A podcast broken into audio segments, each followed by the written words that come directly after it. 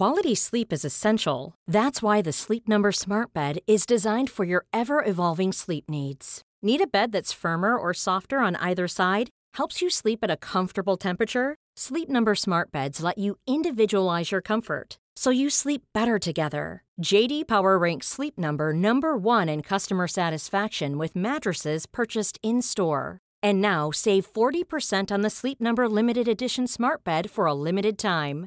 For JD Power 2023 award information, visit jdpower.com/awards. Only at Sleep Number stores or sleepnumber.com. Many of us have those stubborn pounds that seem impossible to lose, no matter how good we eat or how hard we work out. My solution is PlushCare. PlushCare is a leading telehealth provider with doctors who are there for you day and night to partner with you in your weight loss journey. They can prescribe FDA-approved weight loss medications like Wagovi and Zepbound for those who qualify. Plus, they accept most insurance plans. To get started, visit plushcare.com slash weight loss. That's plushcare.com slash weight loss. A lot can happen in the next three years. Like a chatbot may be your new best friend. But what won't change? Needing health insurance. United Healthcare Tri Term Medical Plans are available for these changing times. Underwritten by Golden Rule Insurance Company, they offer budget friendly, flexible coverage for people who are in between jobs or missed open enrollment. The plans last nearly three years in some states, with access to a nationwide network of doctors and hospitals. So, for whatever tomorrow brings, United Healthcare Tri Term Medical Plans may be for you. Learn more at uh1.com. Hej Sam, Magnus här. Jag klipper den här produktionen. Jag tänkte vara lite schysst och komma in här i början och berätta att det här är ordinarie avsnitt 161 av Haveristerna Podcast. Det ligger en längre version av avsnitt 161 på Haveristernas Patreon. Så om du blir Patreon så slipper du bli avbruten mitt i avsnittet för att behöva hoppa över till Patreon. För jag lovar, du vill nog lyssna på det långa avsnittet av det här avsnittet. Så, stäng av, gå till Patreon, bli Patreon och lyssna där. Ja, whatever. Oj.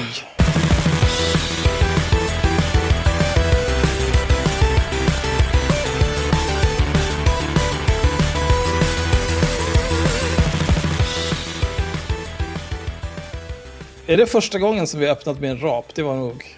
Nej, jag, tror- jag tror inte det. Jag tror jag har gjort det innan. Men det var något sätt äckligare när Henrik gör det. Ja.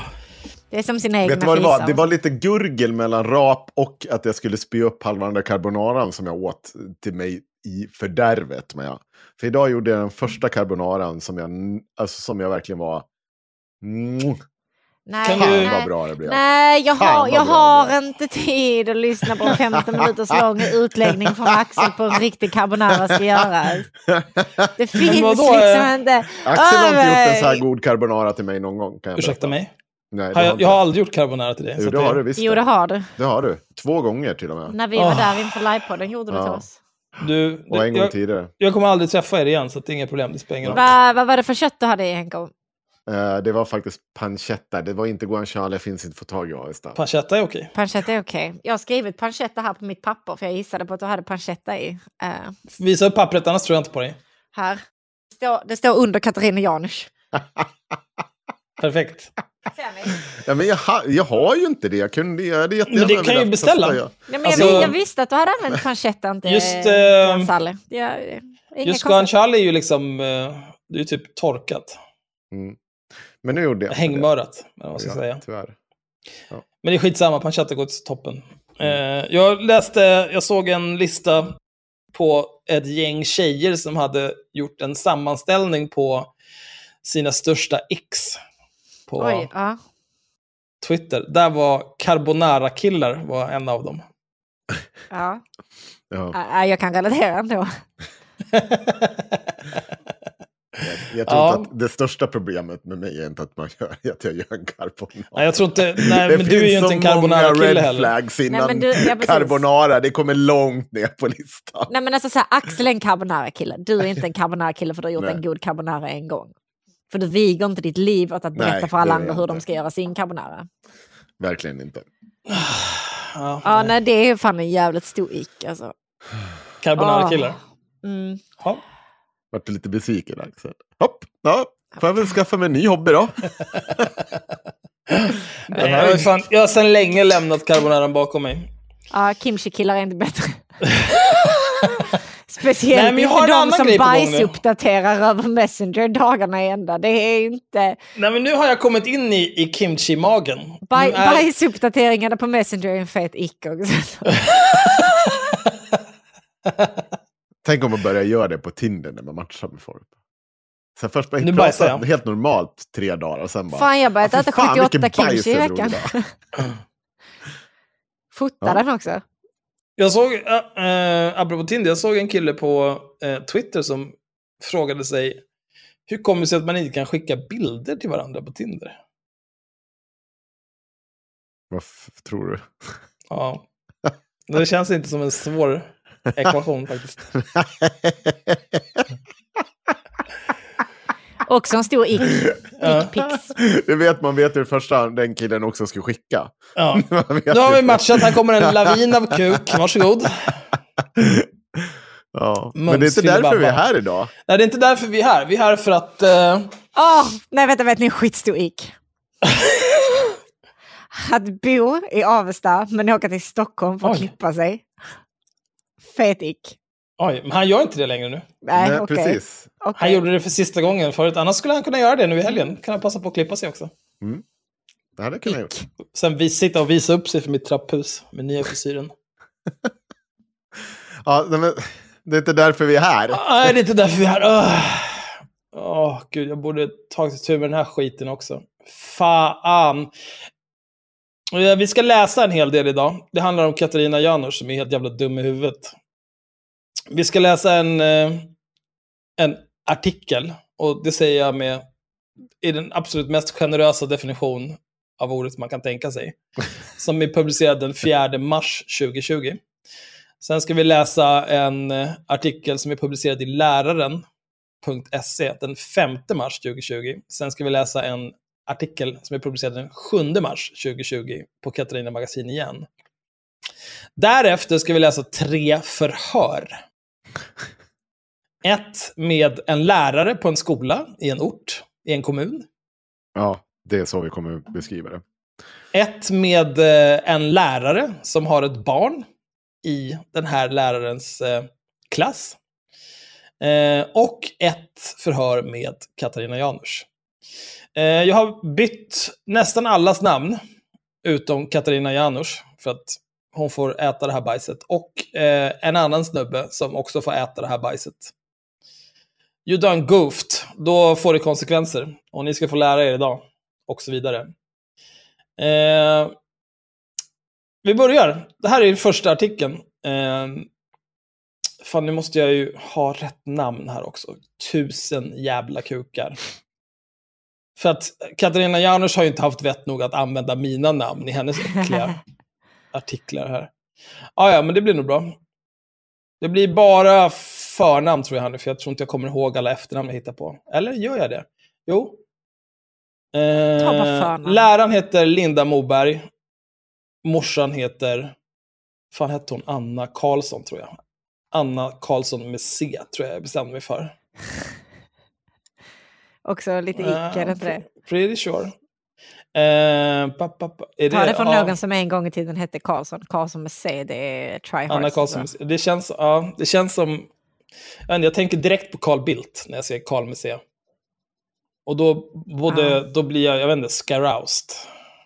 Jag, jag ryser när jag tänker på hur otrevlig han är mot journalister, men sen så blir jag lite arg när jag tänker på hans inblandning i folkmorden i olika länder där Lundin Oil har velat gräva. Men jag är inte den som är allegedly, allegedly, allegedly. Herregud, du behöver inte balla ur. Ja, men i alla fall. Så här skriver Katarina Janouch på Katarina Magasin den 4 mars 2020. Det är en andlig våldtäkt. Ett övergrepp mot mitt barn. Så beskriver Anna Karlsson hur det kändes när hennes nioåriga dotter som går i tredje klass kom hem och berättade att hon tvingades skriftligt bekänna sig till islam och Allah i skolans religionsundervisning under gårdagen. Anna Karlsson trodde först inte sina öron när flickan vittnade om vad hon och hennes klasskamrater genomlidit. Läste du rubriken nu också? Eller missade jag det? Alltså det är, det är sam... Nioåringar tvingas skriftligt erkänna sig till islam av lärare på skolan i orten. Ja, Jag kommer ihåg att vi har läst den artikeln eh, tidigare. Mm. Det har vi säkert. Jag har förträngt den. Ehm, Eller väl läst någonting om den i alla fall. Ja, det har vi förmodligen. Det här är ju extremt korkat. Anna Karlsson trodde först inte sina öron när flickan vittnade om vad hon och hennes klasskamrater genomlidit. Men vid en närmare efterforskning visade det sig att allt dottern berättat stämde och bekräftades även av andra barn i klassen. I undervisningen om världsreligionerna var nioåringarna tvungna att erkänna sig till Allah, något som Annas dotter vägrade trots påtryckningar och hot om kvarsittning av läraren Linda Moberg. Min flicka är kristen och vägrade skriva “Jag tillhör Allah”. Men hon blev tvungen att skriva att hon tillhör islam, berättar Anna upprört. Välkommen till skolan i orten anno 2020, där småbarn indoktrineras i islam redan i tredje klass. Nu polisanmäls skolan. Ja, hur gick det med det? Hur gick det med det? Mm. Herregud. Jag frågar om läraren är muslim, men Anna säger att så är inte fallet. Inte heller elevassistenten som aktivt deltog i indoktrineringen av barnen, eller skolans rektor, som jag döpte till min mammas kuk. Rektorn heter Johan Lillemo. Gud, vilket gulligt namn han fick. Gud, du har verkligen inte gjort det lätt för dig, men okej. Ja, men det är lätt i den texten jag har gjort. Där har jag Ja, ersatt okej. allting. Men jag, vad fan ska jag... Jo, det är klart, jag kunde ju suttit här och redigerat koden på WebArchive. Det, det kan jag ju göra. Det kunde men, du gjort, men också du kunde bara kallat dem mamman, rektorn, läraren. Nej, det är inte lika coolt. Kommer ni ihåg när, Nej. jag, när du var inte med då, när jag gjorde den här, uh, när jag läste upp det här rättshaveristiska brevet som jag skickade runt till alla i stallet.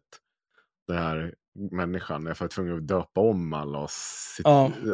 Och det värsta var ju inte det. Det Är värsta det, var är ju... det trubbel i stallet? Alltså? Trubbel i stallet. Ja, för att jag, jag har hört av alla att det är typ allas favoritavsnitt, men jag har fortfarande inte lyssnat på det. Det ska du det. göra.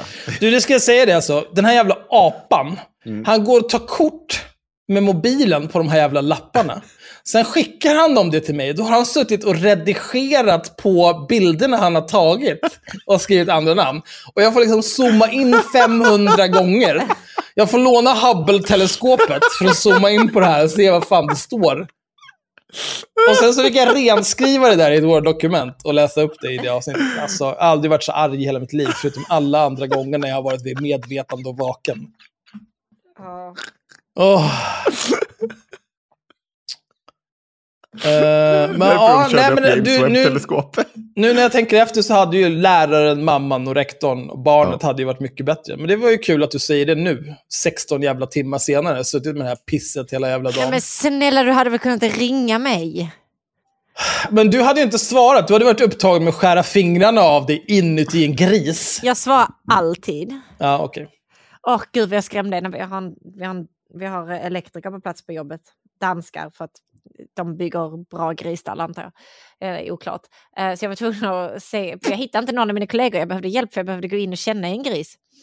Och så jag bara, jag kom här och så kom jag med en sån jävla handske, ni vet hela vägen upp till, till axeln. Och jag bara, "Åh, kom, kom du killen, kom killen.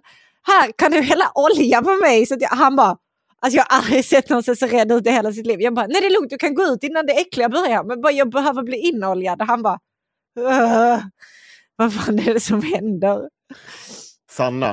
Äh, Så jobbigt, vi vaknar inte klockan 12 och spelar in, jag mår inget bra. Också Sanna, nu ska jag dra min 27 anekdot om att köpa en arm i en gris. Varför tror du vi aldrig får gå och lägga oss för, Sanna? Jag älskar, min, jag älskar mitt Ja. jobb, det är ju Ja, men- jätteroligt. nu- Ja, det är toppen. Axel, kom igen. Jesus Christ alltså. Eh, nej, men nu har jag lagt så mycket tid på de här namnen. Så att, Mm. eh, Nu blir Ja, det nej men rektor Lillemo, fortsätt. Eh, Johan Lillemo. Eh, Inte heller elevassistenten som aktivt deltog i indoktrineringen av barnen eller skolans rektor, Johan Lillemo, som efter Annas kritik gjort sig oanträffbar, verkar tillhöra islam. Hon har satt tillhöra inom citationstecken, jag vet inte fan varför. För det hade varit helt rimligt att skriva det om de var muslimer. Men uh, whatever. Anna har, för att säkra bevis om övergreppen, spelat in filmklipp där barnen berättar vad de tvingats vara med om under skollektionen om världsreligioner. Och vittnar om att det endast är religionen islam de tvingats erkänna sig till, något som flera av dem tagit ytterst illa vid sig av. När kristendom varit uppe har man avhandlat religionen ytterst kortfatt, kortfattat och utan att barnen tvingats till personliga trosbekännelser. Sen en parentes här. Jag har hänsyn till barnen vars ansikten dock inte syns i klippen valt att inte lägga upp filmklippen men har dem sparade som dokumentation. Jävla galning. Jag kan säga här också att någonting som eh, finns med i den här 300 sidor långa förundersökningsprotokollet är eh, planeringen för den här eh, eh, de här tre veckorna när barnen ska få lära sig om världsreligionerna, kristendom, islam och judendomen. De började med kristendomen, eh, det var X timmar på onsdagen och Y timmar på eh, fredagen. Och tro det eller ej, men planeringen för eh, islam andra veckan, då var det X timmar på onsdagen och Y timmar på fredagen. Och de hade även tänkt sig att när de kör judendomen den tredje veckan så är det X timmar på onsdagen och Y timmar Det är på fan helt sjukt. Det vill säga lika lång tid åt alla de tre stora religionerna. Ja. Eh, man skulle kunna tro att det finns en skolplan som lärare följer. Eh, och att liksom så här, you can't be any geek off the street. Nej, det är nästan som också att de fram- ljuger om det här. Det är väl inte att föregå saken att det kommer väl också fram att elevassistenten är den som planerar det här och inte den stackars läraren som blir uthängd sen. Nej, Nej ja, det kommer också fram, men det, samtidigt så är ju läraren är ju väldigt nöjd då. Jag hade inte Ja. gjort annorlunda själv och så vidare. Nej, precis. Så det är inga konstigheter. Eh, min dotter kom hem och var helt uppriven, berättar Anna. Där, den här dottern, jag önskar verkligen att vi kunde säga vad den här dottern heter. Jag säger det nu, så, nu vet ni. Du får blipa det här, Magnus. Dottern heter... Oj, nej! Oh my god, nej! Ja, det är så jävla vidrigt. Det är fan... Det är, Så gör det, man inte. Det är heller inte helt otippat av en mamma som står i säckväg och skriker i en mikrofon på Sergels torg. Nej, Nej, det är- hundra procent vad hon döper sin unge till. Ja. Ja. Men jag har valt att kalla barnet för Savanna, med H på slutet, för att jag tycker att det har en ungefär lika vidrig känsla. Och det är ju inte barnets fel, det är det ju inte. Nej, alltså ursprungsnamnet är nu snäppet vidare. Du skulle tagit så här... Eh, Men, du kan man, man det. kan Det inte säga bara- för mycket heller, för Nej. då... morgondag. Ja, det är också. Eller typ så här, hopp. Hopp. Ja. Och! Nej, vi kan inte, nu sitter vi och skrattar åt det. inte, Jag skrattar åt, jag skrattar åt ett fiktivt barn som inte heter de här sakerna. Eh, Min dotter kom hem och var helt uppriven, berättar Anna. Hon sa, mamma, vi hade islam igår och de tvingade oss att säga att vi är muslimer. Hon berättade att hon under lektionen sprang ut på klassrummet och grät på toaletten och bad till Gud. Det här tycker jag är ett tecken på, eh, religiös indoktrinering. det, mår, det här barnet mår inte bra. Nej. Eh, någonting dåligt sker. Jag hade gjort en orosanmälan faktiskt. Eh, hon har mått dåligt sedan det hände. Jag själv är så arg så jag kokar. Hur kan man göra så här? Vi är kristna och mina barn ska inte tvingas bli islamiserade i skolundervisningen. Men läraren sa att de måste genomföra uppgiften, annars, att de annars får kvarsittning. Detta sades med hårda blickar och stränga ord. Nu kommer det, nu kommer det en, en trippel här. Mm. Anna Karlsson kontaktade omedelbart den berörda läraren Linda Moberg och även rektorn Johan Lillemo, kaching, på skolan för att ifrågasätta hur de kunde tvinga tredjeklassarna att erkänna sig till islam. Hon har till mig vidarebefordrat de mejl hon skickat till fitt huvud, blipa det där, till Linda Moberg och till rektorn. Linda Moberg bekräftar i mejl att man arbetar med världsreligionerna. Jag tänker inte läsa de här jävla mejlen för det är bara Nej. ointressant. Nej, man kan säga att mycket av den här kommunikationen, eh, det är en envägskommunikation där eh, mamman skriver långa haranger och Katarina Janouch tar det som ett bevis på att all, alltså, allting mamman säger bekräftas av vad mamman säger och lärarna Ja. bekräftar ingenting Det, av det är vad hon säger. typisk Sveriges, eh, Ja. Sveriges argumentation. Det är typ så här, någon säger, jag tycker inte det är jättegott med tomat. Bara, Okej, så du tycker att alla som äter tomat tycker att det är gott. Du tycker att vi ska skjuta dem i huvudet. Det tycker du är bra, för du är stalinist och fascist och du hatar alla och du, du, du torterar barn och du knullar hundar. Okej, vad bra. Och sen så kommer en artikel om att ja, men de här personerna som inte tycker om tomat, de knullar hundar. ja. Det är den typen av eh, trams. Man kan säga så här, bara för kortfattat. Det kommer en harang med anklagelser som är typ två sidor lång. Svaret blir, det stämmer med att vi arbetar med världsreligionerna. På plats imorgon och träffa gärna dig för att vi pratar vidare om Det är detta. På plats imorgon. Det är Johan det, rätt. Lillemo. Ja, just det. Blipa det där. Rektorn. Ja. Varför Rektorn. gör ni så mycket jobb för Magnus hela tiden? Ja. Ehm, att man från skolans håll inte tycker att kritiken är bekväm är tydligt. Anna blev idag ifrågasatt då hon hämtade dotterns skrivbok, den aktuella islamtexten finns, i skolan. Och en lärare undrade vad hon gjorde på skolgården, trots att hon har flera barn i samma skola. Han var märkbart stressad, säger Anna. Det här är, eh, jag som nyligen har läst eh, polisens förhör med Anna, jag kan ju Mm. säga att hon ger en lite annan bild av det här händelseförloppet där, Mm. som inte är mindre psykotisk än vad hon framstår här. Men det, det kommer. Mm. Hon fortsätter. I mina ögon är det oacceptabelt att man utför dylika religiösa övergrepp mot små barn. Den här indoktrineringen måste få ett slut. Det som är otäckt är att det finns åtskilliga radikaliserade muslimer i orten. Mina muslimska bekanta som slutat bära slöja har hotats och ifrågasatts. Du har inga muslimska bekanta. Nej. Det här är en liten skitort med 50 pers som bor här. Kanske tror läraren och rektorn att det är bra att tvinga barnen att erkänna sig till Allah. Men det är något som jag som förälder och kristen aldrig kommer acceptera i mitt land, Sverige. Eh, och sen så är det ju tusen olika sätt att... Eh, vill du gå med i 1,1 miljonersklubben, hennes Facebookgrupp här? Vill du gå med i Stå upp för Katarina Janouch? Eh, du får jättegärna ge mig en gåva eller donation. En gåva eller donation till mig är inget köp av vara tjänst av mig, varken historiskt utförd eller framtida. Ej heller betalning för levererad tjänst, vara eller framtida sådan, utan en ovillkorad förutsättningslös gåva som inte faller under konsumentköplagen. Genom utförd betalning bekräftar gåvogivaren att ovanstående förutsättningar gäller. Och så är det Swish, Paypal, direktkonto, Patreon, internationella betalningar och så vidare. Eh, och här ska du få ett tips av mig, Katarina Janouch. När man skriver sådana här saker, då framstår man som en pajas! För det enda som kommer hända, det är att du kommer få prata med någon trött jävel på Skatteverket som säger eh, det är uppenbart att det här rör sig om renumeratoriska gåvor, där folk donerar pengar till dig eh, i syfte att du ska utföra någonting, det vill säga fortsätta skriva den här bloggen. Mm. Det här är skattepliktigt. Ja. Och så här, det, som en knarklangare som står så, så du sålde knark. Nej, nej, jag tog bara emot en gåva och sen gav jag bort det här knarket. Men det, jag har tydligt på den här lappen skrivit att när du ger mig den här tusen kronor och får x antal gram, det är inte samma. De, de två sakerna hör absolut inte ihop. Så jag är inte knarklangare, jag gav bort det här knarket. Eller det kanske också knarklangare. Men grejen är att det hon får ut av det är ett väldigt långt blogginlägg och sen en liten harang på Twitter med hur Mm. mm. fucked up världen är för att hon Men blir hon- dömd hon för skattebrott. Så det är Hon kommer liksom... förklara också vilka det är som har donerat den här månaden när hon skrev det här inlägget. Men det, vi kommer till det också. Ja, det kommer vi absolut till. Ja. Nu ska vi läsa nästa text. Eh, den här är, finns på läraren.se. Ska jag-? Ska jag säga någonting om mamman, vad, vad det är för person?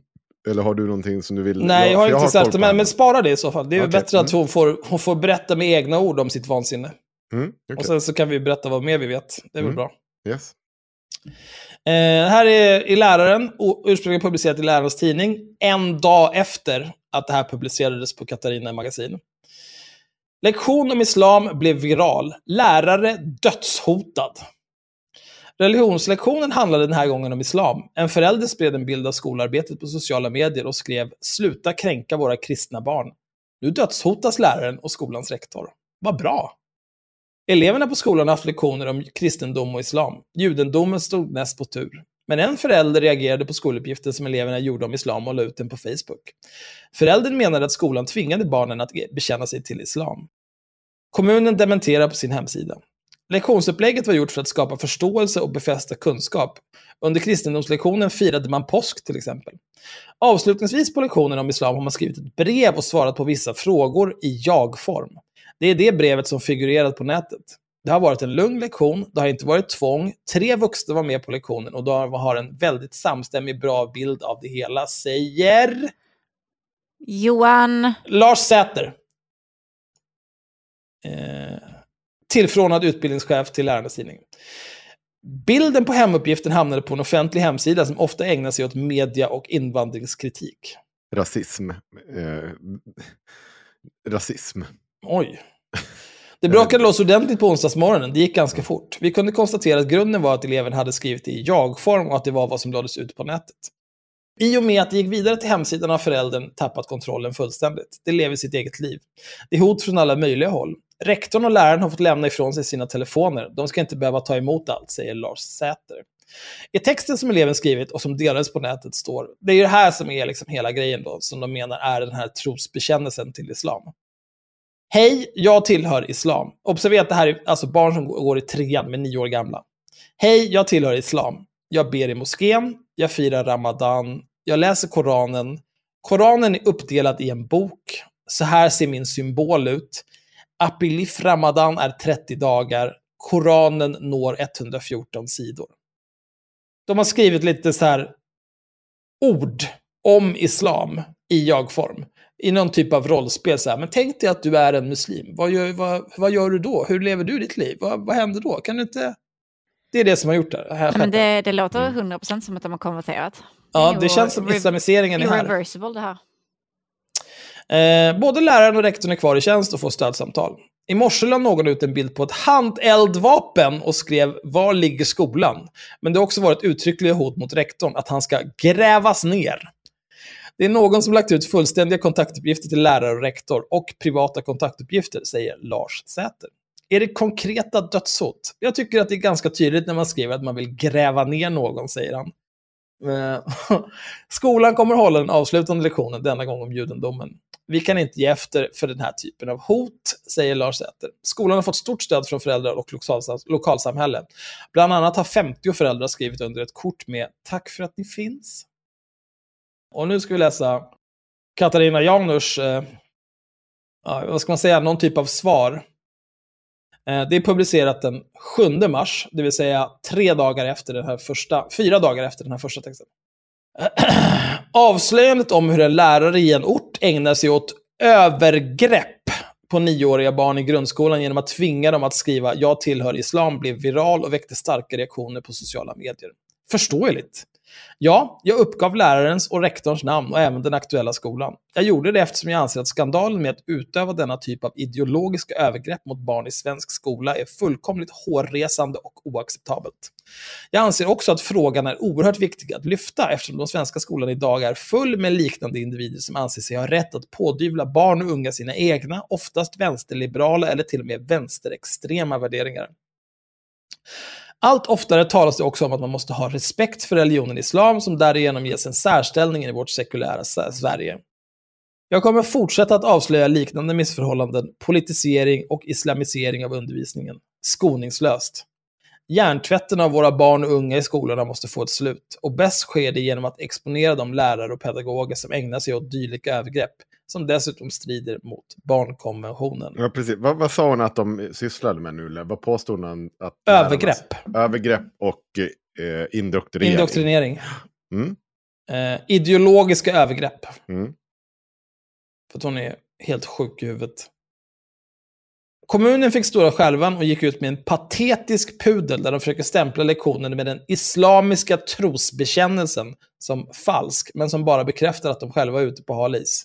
Det finns såväl ljudupptagningar som skriftliga bevis i form av barnens häften, där nioåriga elever tydligt tvingats skriva “Jag tillhör islam”. Hur, hur är det tydligt på att det står “Jag tillhör islam” i ett skrivhäfte, att någon har tvingats till att skriva det? Är, ja, och trots att man erkänner att lektionen ägt rum på det sätt jag redovisat. Det är ingen som erkänt det. Även andra medier har uppmärksammat skandalen, däribland utländska Voice of Europe Mm. samt Jihad Watch. Det är två Hitler-sidor. Mm. Även tidningen Dagen, som är kristna religiösa fundamentalister, Mm. redogör för det inträffade på exakt samma sätt som jag gjorde i min första text. Och krönikören. Frida Park ifrågasätter varför tredjeklassare ska skriva “Jag tillhör islam”. Jag tvivlar starkt på att det står exakt samma sak i, i dagens... Men jag, tänker, jag skiter i det, jag är inte intresserad av att försvara dem. Nej. Låt helvete dem också. Bla, bla, bla. Det var ett rollspel, försöker kommunen och skolledningen gömma sig bakom. Men samtidigt framkommer att de muslimska barnen inte alls tvingades låtsas vara kristna när kristendomen var temat. Eh, och som nämndes då tidigare, de firade bland annat påsk under den veckan när det var kristendomen. Det är väl ungefär lika mycket att tvingas vara kristen som det är att tvingas vara muslim, att skriva jag firar ramadan eller whatever, vad nu barnen Mm. Alltså, det är ingen som har tvingat några jävla barn till någonting här, din jävla dåre. Åh. Men de kristna, e- eller ateistiska barnen tvingades delta i full islamlektion med hot om kvarsittning eller att inte bli godkända om de inte gjorde det som läraren ville. Det är lätt att efteråt komma och bagatellisera saken. Minns ingen av dem som nu sitter på sina höghästar hur kändes att vara liten och tvingas lyda under vuxna auktoriteter. Eh, här vill jag återigen påminna om att jag blev utkastad från Waldorfskola i ettan för att jag inte ville lära mig tyska. Så att, grow some fucking balls, ungjävlar. Säg ifrån. Eh, pa, pa, pa, Ska barn verkligen tvingas protestera när en lärare maktfullkomligt bestämmer hur en lektion ska genomföras? Alltså, jag skulle säga att det är väl lite grann lärarens roll i klassrummet att bestämma, särskilt liksom på lågstadiet. Jag bestämmer lite grann hur den här lektionen ska gå till, för att ja, ni är barn och ni har ingen aning om någonting. Det är därför ni är här. Och jag kan också slå vad om att alla som tycker att så här, den här jävla läraren ska inte säga till ditten datten. Så fort de hör om någon så här, ja nu är det bråk här i någon, eh, något utanförskapsområde i skolan. Det ska vara hårdare tag, vi borde beväpna alla lärare. De borde köra upp en kniv i röven på alla eleverna, borde de göra. Bara håll käften och gör som du blir tillsagd. Ordning och reda, kateterundervisning och kateterundervisning. Det är Jag tänkte kateter. precis reagera på det. Bara, Men i och för sig, varför inte kateterundervisning är det bättre? Då behöver man inte gå på toaletten stup i kvarten. Jag, jag tror nog också att du kan hitta sådana texter på Katarina Janars magasin också. Ja, det, det, det- är nog inte så svårt.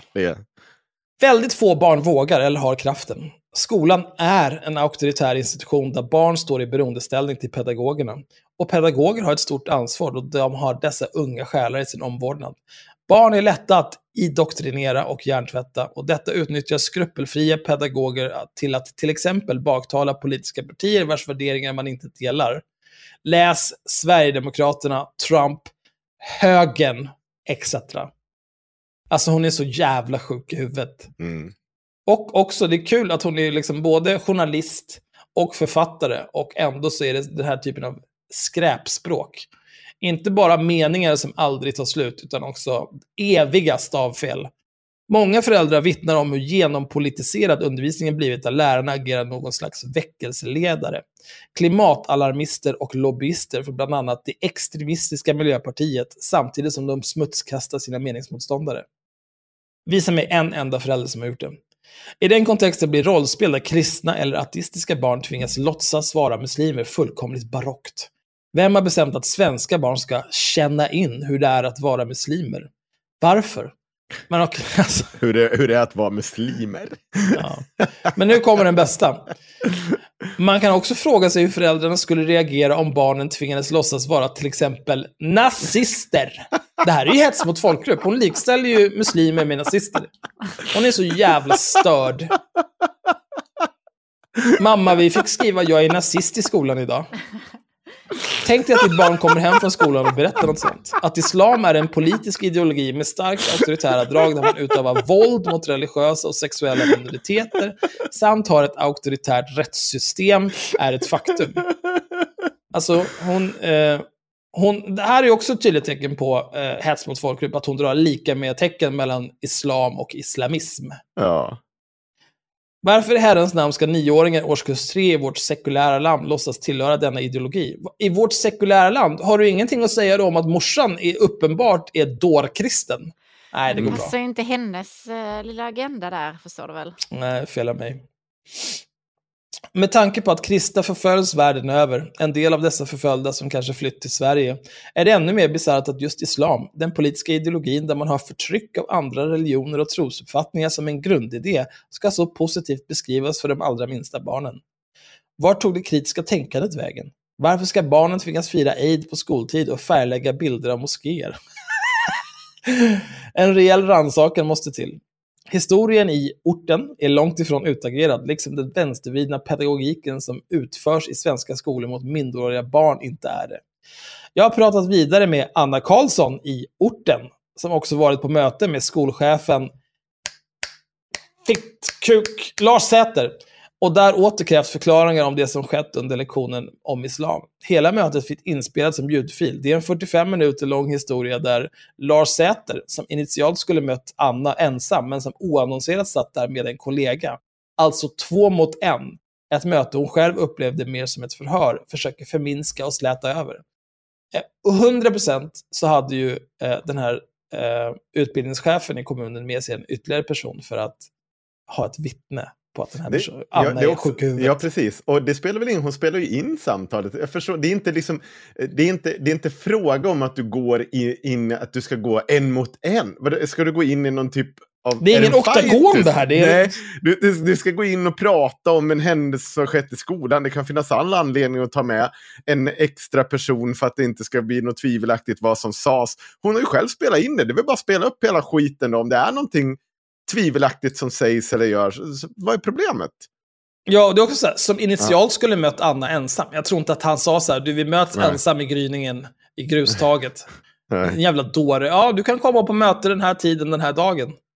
Säg till i receptionen när du är här så. Anna kräver att skolan ska be eleverna om ursäkt. Att de ska möta barnen och säga att de gjorde fel. Detta förstår inte Säter. Mötet är ett tydligt exempel på hur svenska byråkrater vägrar ställa till rätta sånt de gjort fel i. Hur de blivit så fartblinda att de inte ens förstår att de agerar nyttiga idioter åt en aggressiv doktrin. Jag kommer fortsätta att sätta hårt mot hårt i alla de fall som kommer till min kännedom om politiska, religiösa och ideologiska övergrepp mot barn i svenska skolor. Jag kommer att fortsätta att namnge de lärare som ägnar sig åt dylika övergrepp. Gud vad smart att du har skrivit allt det här. Jag kommer nitiskt slå ner på minsta antydan om att man särbehandlar religionen islam i skolan. Eh, det är kul, när man pratar om särbehandling, då brukar man oftast prata om negativ särbehandling, men här menar ju hon positiv särbehandling. Jag kommer inte låta vänsterextrema vanföreställningar passera obemärkt. De som håller på med sånt ska veta att de har ögonen på sig. I det konflikträdda Sverige tror demagogerna att de ska komma undan, men där tar de fel. Det får vara någon måtta på indoktrinering av barn. Har du själv upplevt dylika övergrepp i skolan är det bara att mejla mig. Jag kommer att fortsätta hålla en blåslampa i baken på de som ägnar sig åt den politiska och religiösa hjärntvätten av barn. Totalitärt dravel hör inte hemma i svensk skola. Och sen så länkar de till originalartikeln och sen är det återigen, här är 38 miljoner sätt som du kan skänka en skattefri gåva till mig. Åh, gud. Så jävla dum inuti huvudet. Nu ska vi läsa polisens förhör med läraren, Linda Moberg. Och det, här är ju, det här är ju lite olika saker. Det är, det är ju lite olika brottsrubriceringar här från början. Det är, utreds som olaga hot och förtal och allt möjligt. Eh, men eh, vi, vi behöver inte prata så mycket om det än. Inte Nej. förrän vi kommer in på domen kanske. eh, Linda informeras om att hon ska förhöras som målsägande angående olaga hot som uppkommit i samband med en lektion hon haft i skolan hon jobbar på. Kursiv text i förhörsledarens egna anteckningar och kommentarer. Och det börjar med berätta med egna ord vad det är som har hänt. Jag har en student med mig som jag är handledare för och vi bestämde att hon skulle ha religionsundervisning. I trean har man kristendom, judendom och islam. Hon var ansvarig för undervisningen med mig som backup och vi gick igenom allt som hon skulle göra och det var toppengrejer. Inget som inte jag skulle göra. Vi började med kristendom veckan innan detta hände. Det Kan bra. vi också bara ta en snabb uppskattning för den här läraren som backar sin elev och inte vill avskräcka henne från läraryrket eller så, utan bara nej, det här var toppen, jag bryr mig inte, ingenting jag inte skulle göra och bara inte Mm, det är så här, sant. någonstans försöka mygla eller göra det enkelt för sig själv och försöka skylla från sig på eleven, utan bara nej, nej, 100 procent. Det har du faktiskt helt rätt i. Eh, Props till Linda Moberg. Linda Moberg, vilken hjälte. Linda Moberg, denna gigant bland giganter. Fan Ja, alltså. Okej, Man skulle kunna tro att det här var skriptat, men det är inte. det är Det här är bara Ordsmedspodden. Det är så här vi rullar. Vi började med kristendomen veckan innan detta hände. Det gick bra. Alla gjorde det vi hade tänkt. Vi gick igenom symboler, helig skrift, helig plats. Man fick låtsas vara en annan person och skriva ett brev ur kristendomens perspektiv. Nämen, vad Nej, men tokigt! vänta, va? Fick Det är man skriva att- brev? nej. Det är som att de hade samma plan för alla de tre stora världsreligionerna och ägnade lika mycket tid åt var och en av dem. Det är Som helt att, sjukt. eh, ja, nej men det här, jag vet inte. Sen veckan efter på onsdagen hade vi precis samma upplägg med islam. Hon hade lektionerna och jag var med som handledare. Jag hade även en lärarresurs till, så vi var tre lärare. Det var en bra dag, inga konstigheter. Det här är så jävla golden alltså. Sen hade jag i bakhuvudet att jag har en förälder som är väldigt kristen. Så jag hade på känn att hon kunde höra av sig. Så jag hade förberett mig på att hon kunde höra av sig med ett argt mail eller så och att hon skulle kunna bli upprörd. Hon har gjort så förr och tänkte att så kanske det skulle bli igen. Det här hände på tisdagen, lektionen. På tisdag kväll får jag ett mejl. Hon är jätteupprörd. Då svarar jag henne att det stämmer att vi pratar om de tre världsreligionerna. Johan, rektor på skolan, kan träffa dig och prata imorgon. Sen får jag reda på kvällen att hon lagt ut ett långt inlägg på Facebook. Att det var ett böneutrop under lektionen. Att jag tvingat barnen att göra en trosbekännelse, massa grejer, och hon namnger mig. Hon hade gjort skärmdumpar på mejlen mellan oss och lagt upp. Då kände jag att det var inte okej. Då kände jag att hon tagit det ett steg längre än hon brukar göra. Och äh, det här, bara det här är så talande.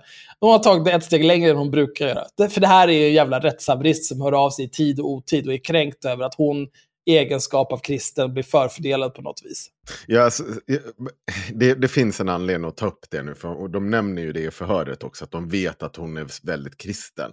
Och när, när man pratar om att hon är väldigt kristen, jag skämtade inte när hon står alltså, i säckväv på eh, vad heter det, eh, Sergels torg och skriker i mick tillsammans med sin polare som hon gör någon typ av predikan på Facebook kring. Alltså det här är en eh, hade det här varit en muslim, då hade Katarina Janouch kallat henne islamist och att de ska ut ur det här jävla landet. För här, den där muslimerna, de ska inte här och göra. Men nu är hon ju kristen, så det är, då är det okej okay att vara en kristen fundamentalist. Hon, de pratar om hbtq och det där, liksom, allt det där skiten som de inte tycker om på samma sätt som islamister och fascister, andra reaktionära fascister pratar om eh, hbtq-människor och sånt där. Men det är inte samma sak, för det är ju muslimerna. De är ju dumma kristna fundamentalister. Kom här gumman, kom här. Du sitter med mamma i knä här.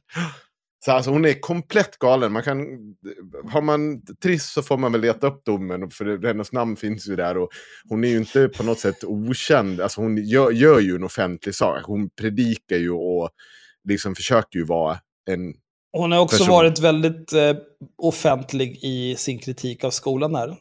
Ja, ja, ja. Och det är så. liksom... Inte, hon... Egentligen så borde vi ju inte anonymisera henne, för hon kan gott få all skit hon någonsin kan få. Ja, men, det, men det vi är, är så jävla bussiga. Ja. Eh, då kände jag att det var inte okej. Okay. Då kände jag att hon tagit ett steg längre än vad hon brukar göra. Då kände jag att hon är väldigt oberäklig och inte visste vad hon skulle göra av det här.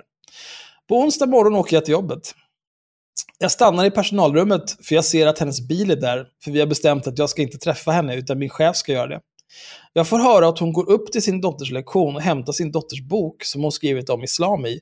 Och att hon spelade in olika barn och frågade en massa frågor till barnen om vad vi hade gjort på lektionen.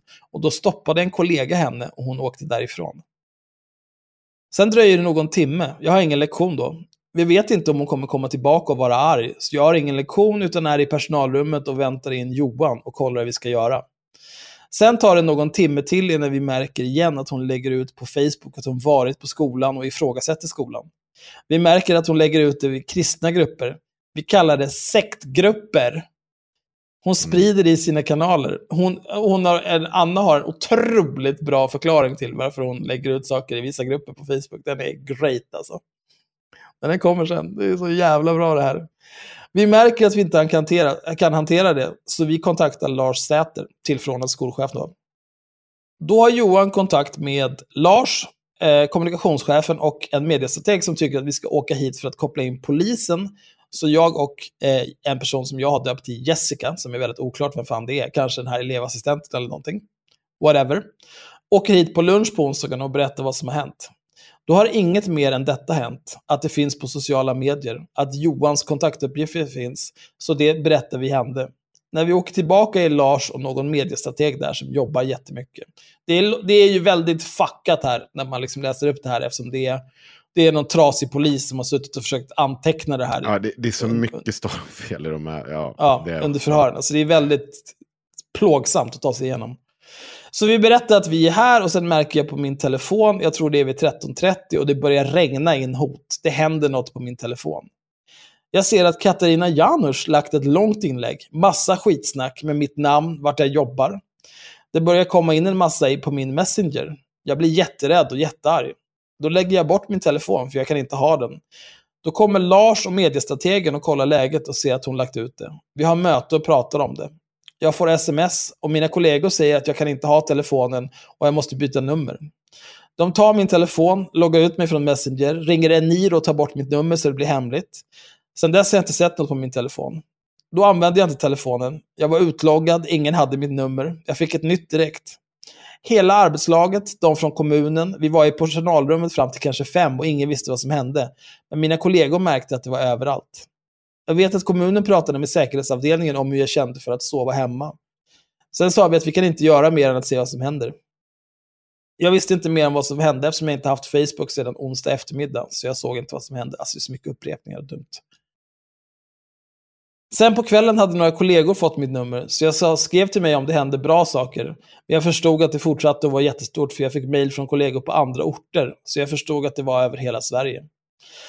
Allt som hände sedan med hot och så, jag har inte sett några hot själv. Jag har inget Facebook längre, men jag har läst i tidningarna vad de skrivit om mig. Att jag ska skjutas och stenas, men det är medier. Jag har inte läst det i trådarna. Jag läste ju någon krönika eller en artikel eller någonstans där det stod att jag bara kan tänka mig hur den läraren hade det på kvällen eftersom de skrev ut hennes kontaktuppgifter. Så jag var på riktigt livrädd när vi skulle gå och lägga oss, men nu är det lugnt. Eh, och förhörsledaren frågar, vad är det du uppfattat som hot? Eh, jag uppfattar att jag får in saker på Messenger. Minns inte vad det står i dem, men jag vet ju att hon Katarina Quality sleep is essential. That's why the Sleep Number Smart Bed is designed for your ever evolving sleep needs. Need a bed that's firmer or softer on either side? Helps you sleep at a comfortable temperature? Sleep Number Smart Beds let you individualize your comfort so you sleep better together. JD Power ranks Sleep Number number 1 in customer satisfaction with mattresses purchased in-store. And now save 40% on the Sleep Number limited edition Smart Bed for a limited time. For JD Power 2023 award information, visit jdpower.com/awards. Only at Sleep Number stores or sleepnumber.com. Planning for your next trip?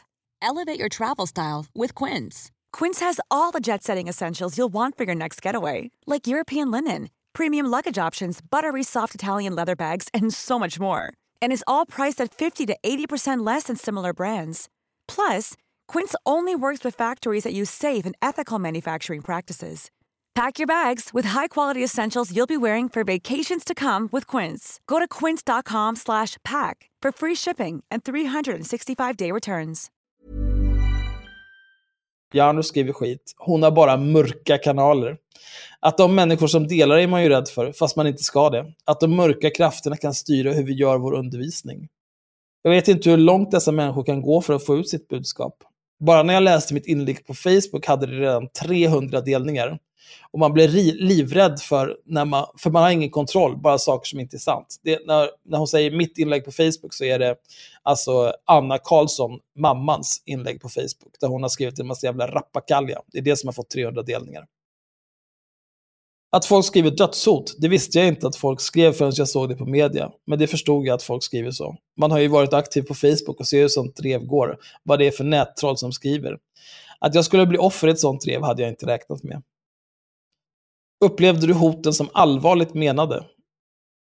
Både ja och nej. Jag tror många skriver, de bara hotar folk till höger och vänster. Jag tror att många skriver hot av bara farten.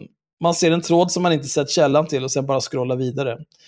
Tänkte att det är nog majoriteten, men sen de som inte är så. Sen var det någon som försökte skicka länken till min pappa och min bästa vän. Sådana hot är jag rädd för. Jag är rädd för de som är väldigt engagerade i frågan, inte nättrollen, främlingsfientlighet, hoten från dem. Det är helt obegripligt vad fan det här ska betyda. Ja, men det betyder, jag kan förklara, och det, och det förstår jag, så det hon menar på att när de börjar ge, alltså det är lätt att precis som du många gånger har sagt, så här, som att någon sitter och säger någonting, att du är dum i huvudet på Flashback eller något sånt där, att du är en horunge. Det, man bryr sig ju inte i det där. Det är när de börjar liksom så här, krypa in, in i det, liksom, kanske inre krets och kontakta, kolla Ja, här, nej, men det håller ditt jag. jävla barn på med, är du äcklig eller vad, liksom sådär, då blir det nog... Jag tänker mer alltså den här sista meningen. Alltså inte nättrollen, främlingsfientlighet, hoten från dem. Jo, men han, jag tror att de menar att han skiljer på dem, att de menar att den ena är värre, att det blir värre när de... När de håller på att skicka länkar till hennes eh, farsa och hennes kompisar. Ja, det är klart för att de är ju horungar. Hur har hoten fått dig att känna? Jätterädd. Jag har två små barn hemma.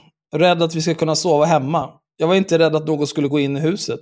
Jag var rädd att de skulle skrämma mig, kasta sten i fönster när vi sov, skriva på garaget. Att de skulle skrämma mig när jag var hemma med mina barn. Min familj har varit jätterädd. Mamma gick ur Facebook. Det är så många fler som drabbades. Jag märkte ju när vi kom. Jag åkte ju till jobbet på torsdag morgon, det var vakter där. Och då märkte jag att det varit mycket hot mot skolan, mot mig och, och Johan, rektorn. Jag drar den slutsatsen när det var vakter på skolan. Då hade det varit mycket. Vakterna var där för att skydda oss. Jag visste ju inte, så jag fick fråga hur det såg ut, om mitt namn fanns med. Jag är rädd för det, för jag visste inte vad det tog för vägar. Jag hade ingen kontroll. Mitt namn i fel kanaler. Är du orolig för att hotet ska förverkligas? Ja, absolut. Jag har aldrig fått ett dödshot. Klart att det är allvarligt. Skulle inte vara konstigt annars.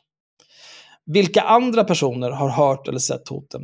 Alla som har Facebook och är inne och läser. Vilka andra kan ha sett de hot som du inte sett? Vi har haft folk på det som skärpdumpat allt i kommunen. Kommunchefen, mediestrategen, eh, kommunikationschefen, Lars Säter, Thomas Gran är någon som jag har döpt, lite oklart vem han är, men han heter Thomas Gran.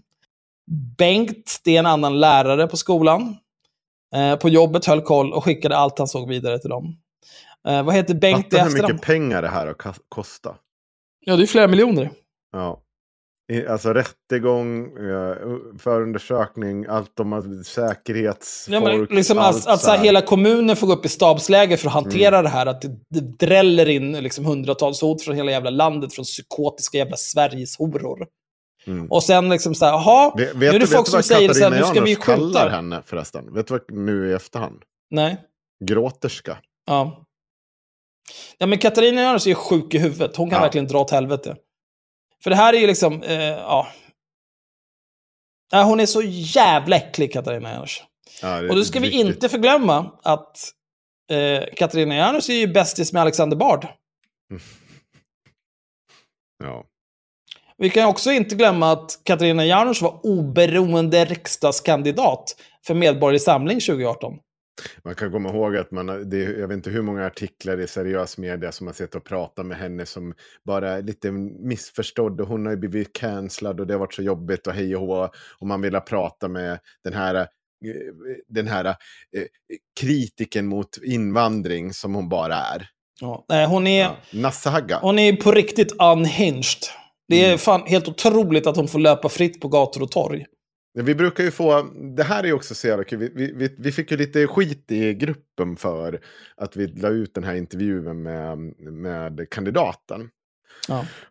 Och den där kritiken har ju varit lite återkommande så fort det börjar spåra ur lite när folk är bara ljuger och ljuger och ljuger. För då är ju alltid, främst, det är inte alltid så, men oftast är det så att kvinnorna är ju då, lider ju av någon typ av psykisk ohälsa eller någonting. Det är det första man drar slutsatsen då. För att, för att en kvinna kan tydligen inte ljuga som en jävla galning. det är också så här, psykisk också ohälsa är ingen jävla man- ursäkt att bete dig som ett fitthuvud. Nej, men det, det finns heller ingenting på att du hör en intervju på totalt fem till sju minuter. Du kan inte utröna om den här personen lider av psykisk Jo, ohälsa. vadå? Kan inte du di- ä- distansdiagnostisera folk?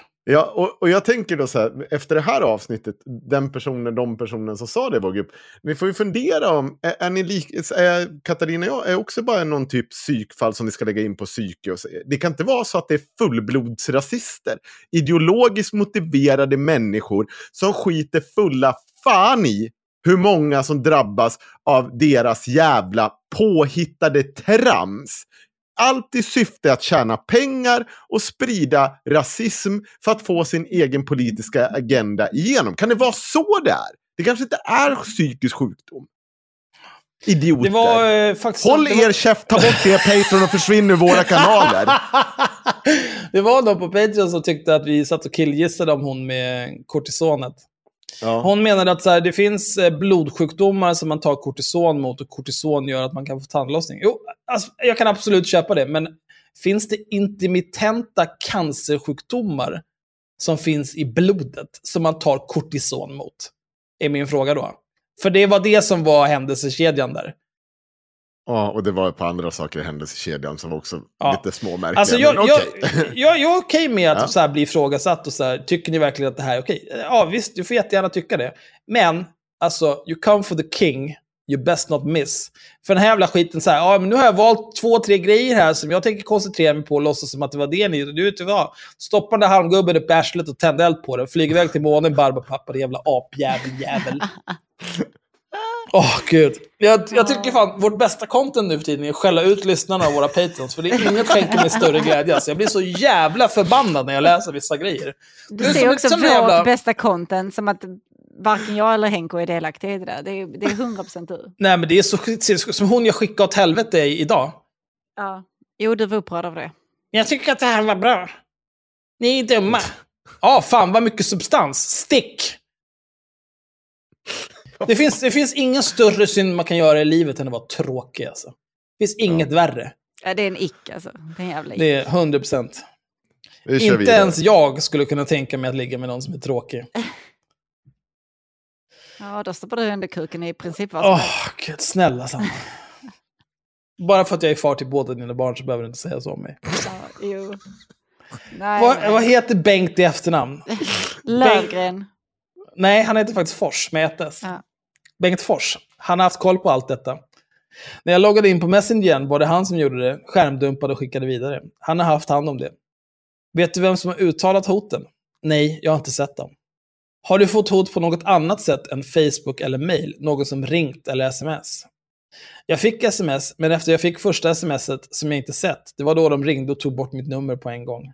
Har detta påverkat dig så att du har fått göra förändringar i din vardag? Nu, eh, det här är liksom eh, standardfrågor som polisen ställer när man anmäler olaga hot. Det är för att liksom, eh, nu ska vi låsa in den här rubriceringen så att det kvalar in på alltihopa och så ska vi fista dem som har betett sig på det här viset. Har detta påverkat dig så att du har fått göra förändringar i din vardag? Min man fick hämta och lämna barnen på förskolan. På jobbet har vi inte vetat om ifall ursprungskällan, mamman eller någon annan skulle dyka upp. Jag har inte gått upp till klassrummet själv. Jag har inte varit själv alls i mitt klassrum faktiskt.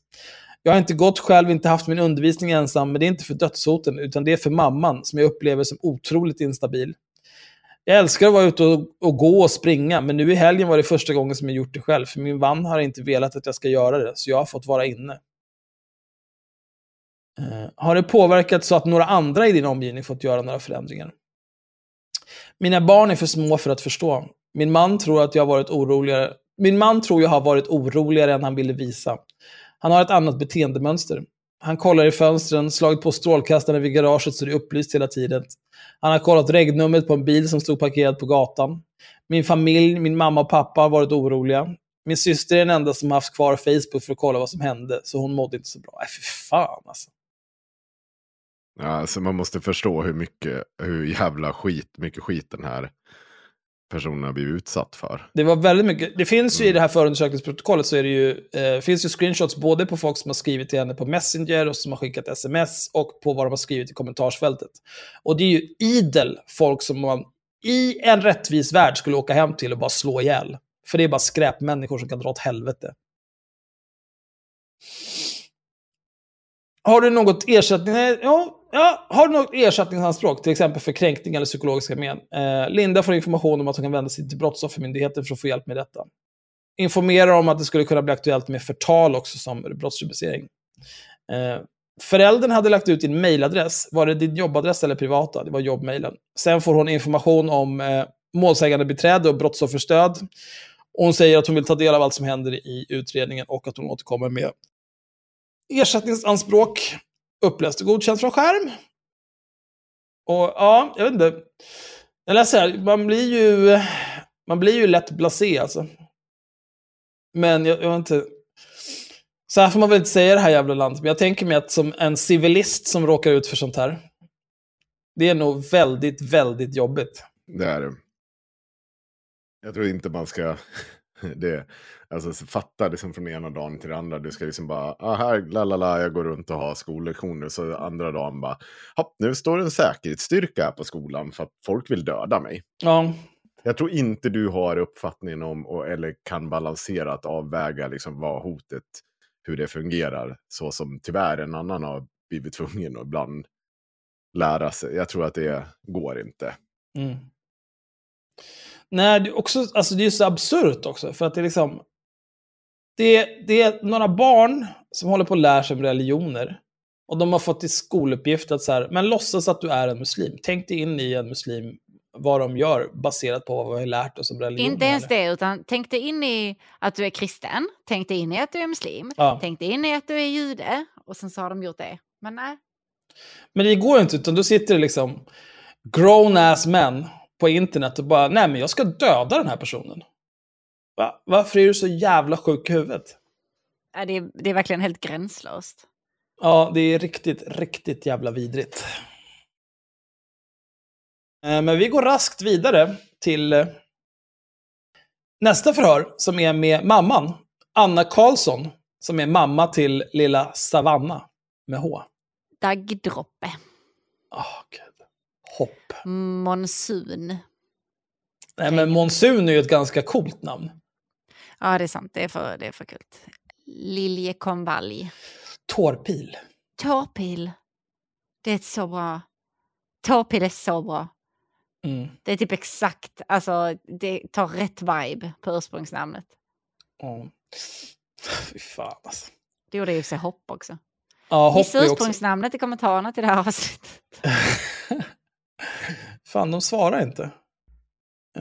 Jag skrev ju, när du, Henrik, när du postade om det här att hon blev dömd, så eh, du postade på Twitter, så var det någon som retweetade dig och, sa, och, och taggade Katarina Järn och sa ja, det tillhör väl ändå kutym att man... så här-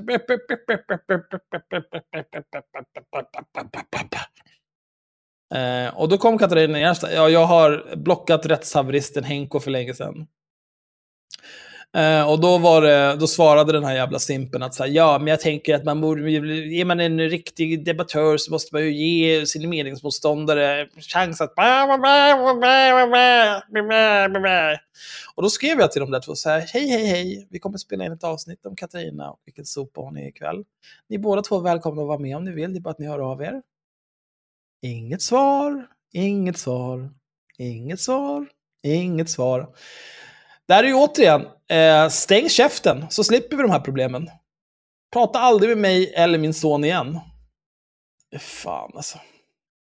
Det här, är- alltså, det här är så jävla galet, det vi ska läsa nu. Men eh, vi gör det. För Sverige. Förhöret med mammis. Anna Karlsson benämns vid förnamn Anna i förhöret. Anna ombads att berätta vad hon fått veta om den aktuella lektionen i religionskunskap som hennes då nioåriga dotter deltog i på skolan i orten 2020-0303. Anna berättar. Min dotter kom hem och hon var irriterad och nedstämd.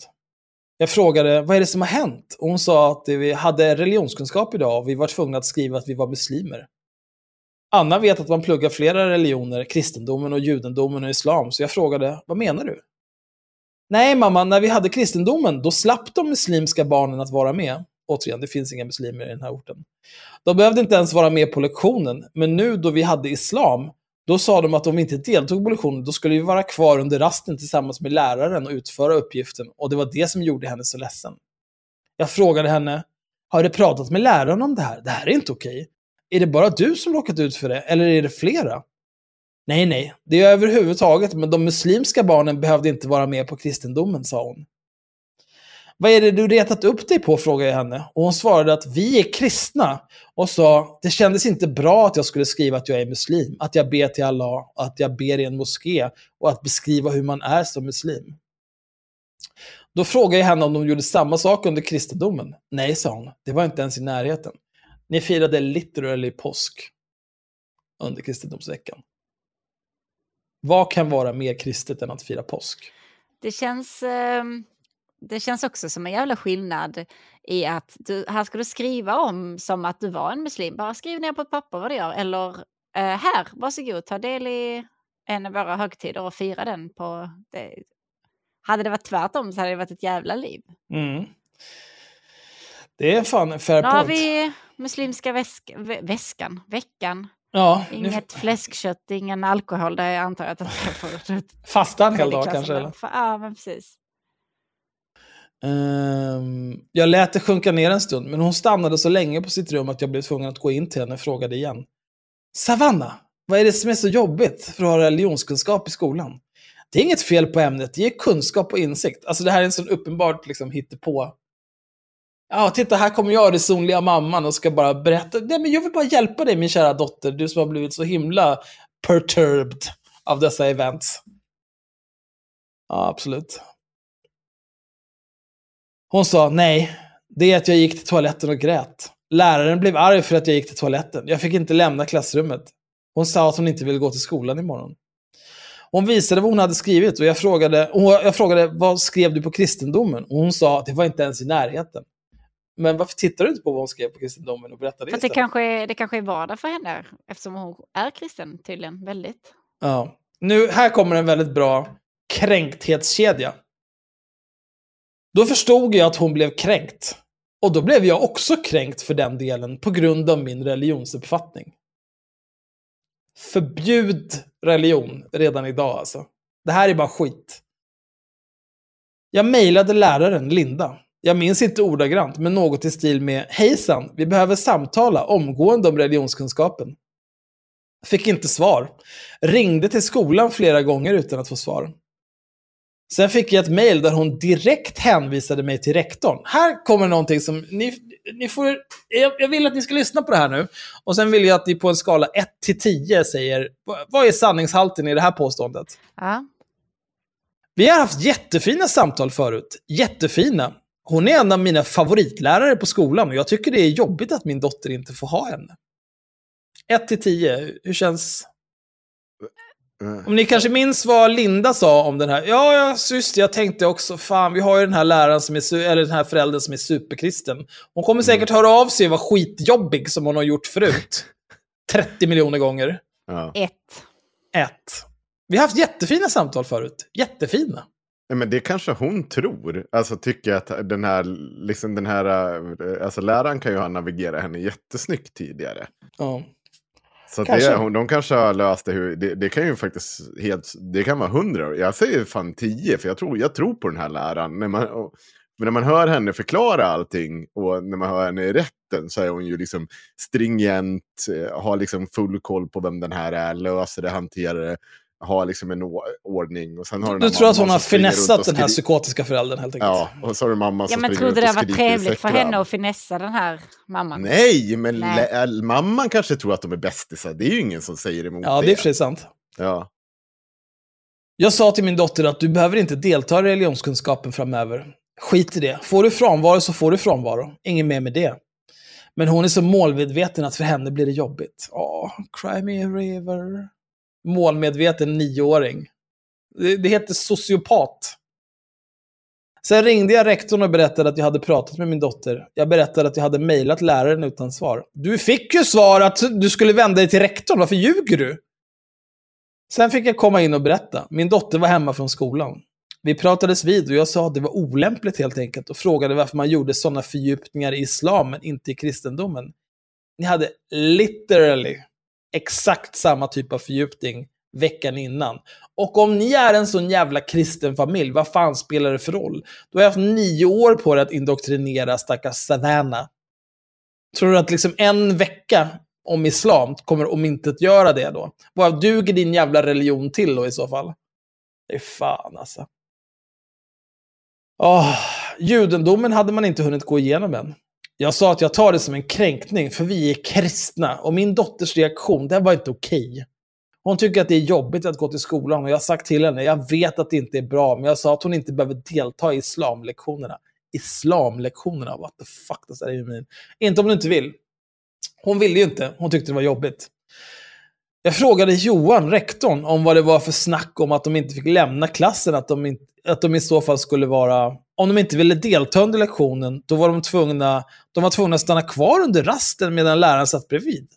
Vad är det för fasoner? Min dotter har alltid varit, eh, hon vet vad hon säger. Hon är medveten när hon vill framföra någonting, fast hon kan tycka att det är jättejobbigt. Det är väldigt oklart. De andra barnen satt och målade och satt i korridoren. Självklart. Som kristen och troende. Jag kände mig verkligen kränkt än idag är jag på samma nivå. Jag ändrar inte min uppfattning. Min dotters reaktion, den blev en kränkning. Och eh, jag vill också återigen säga här. Det är troligtvis inte att den här morsan är så psykotisk att hon liksom talar i tungor och uttrycker sig på det här viset. Det är bara det att polisen, när de gör de här jävla Skri- nej, jag vet inte om de transkriberar inspelningar eller om de försöker skriva någonting, någon slags anteckningar medan de håller förhören. Alltså, men det är trash. Det är snudd på omöjligt att förstå vad som menas 80% av tiden. Så jävla dåligt alltså. Vi pratades vid. Jag gick till skolan. Jag ville kolla lite. Barn är så olika och jag gick dit och lyssnade, för mig, lyssnade mig för. Jag ville se deras arbete, för det hon hade hemma var inte hela uppgiften. Det var inte själva trosbekännelsen. Jag gick till skolan och sa till henne, hämta din bok, jag vill se. Jag vill se om jag missuppfattat eller om du förstorat något. Men det stämde. Det hon sa stämde. Jag tog boken och det kom en lärare och han sa, vad gör du här? Jag sa till honom att min dotter går i skolan och jag har flera barn i skolan. Vad ska jag inte göra här? Du har ju fan ett jobb att sköta. Det är min dotters bok och jag har rätt att ta hem den, sa jag. Nej, det har du inte, sa han. Det har jag visst, sa jag. Jag har rättighet att ta hem mina barns läxor och föremål och även ta hem mina barn om jag vill. Här är också, hon är ett sånt jävla unikum av rimlighet. Han sa, du får inte vara på skolan. Och jag frågade, hotar du mig? Jag, eh, jag vet inte, vi har ju skolplikt i Sverige. Jag vet inte om hon har förstått det. Du kan inte bara göra så hur som helst. Nej, nej, men hon får väl göra ju hon, liksom bli- hon är ju typisk en sån som sitter och håller, kämpar för att man ska få Det är homeskola dina barns barn. rättighet att gå i skolan och det är din skyldighet att se till att de går dit. Det är inte så jävla svårt. Nej. Du kan inte bara komma och slita ur dem i skolan för att du tycker att... Jo, men nu är det, hon är ju kränkt. Mm. Han sa, du får inte vara på skolan. Och jag frågade, hotar du mig? Hotar du mig? Vad är det som händer? Jag kommer här och du vet att min dotter har blivit kränkt. Och jag står upp för det. Jag står upp för mina rättigheter. Jag ser att ni alla lärare vänder er emot mig. Och, och, och, men nu, allting här som är liksom obegripligt och konstigt är ju inte polisens fel. Vissa saker är ju hennes fel också, för att hon är en galning. För bara en galning sitter ju i polisförhör och säger han sa, du får inte vara på skolan. Och jag frågade, hotar du mig? Hotar du mig? Vad är det som händer? Jag kommer här och du vet att min dotter har blivit kränkt och jag står upp för det. Jag står upp för mina rättigheter. Jag ser att ni alla lärare vänder er emot mig. Alltså, Om man säger såna här saker. jävla harang där. Åh. Ja, men om du säger sådana här saker i ett polisförhör, you done goofed. Det är bättre att vara tyst. Hej, hej. Eh, jag tänkte ställa lite frågor till dig. Hej, ja, toppen. Jag skulle jättegärna vilja ha ett juridiskt ombud och en kopp svart kaffe, tack. Jag har bara lite frågor. Ja, det låter toppen. Men du, ett juridiskt ombud och en kopp svart kaffe, tack. Bra, då löser du det. Tack. Hotar du mig? Visste de om redan då att din dotter mådde dåligt av det här? Jag vet inte. En misstanke jag har, men den behöver inte stämma. Jag pratade med Johan innan och jag berättade ju för honom hur jag som kristen såg på det hela. Johan är då rektorn. Var det då du intervjuat barn utanför skolan?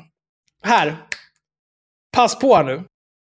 Jag har inte intervjuat några barn. Jag var där och pratade med min dotter som ville gå hem. Jag försökte övertala henne att bli kvar en stund och känna efter. Jag tänkte att eftersom jag ändå är där vad fan, jag tänkte att eftersom jag ändå är där, att det ändå släpper. Då kom tjejerna och så och frågade vad det var.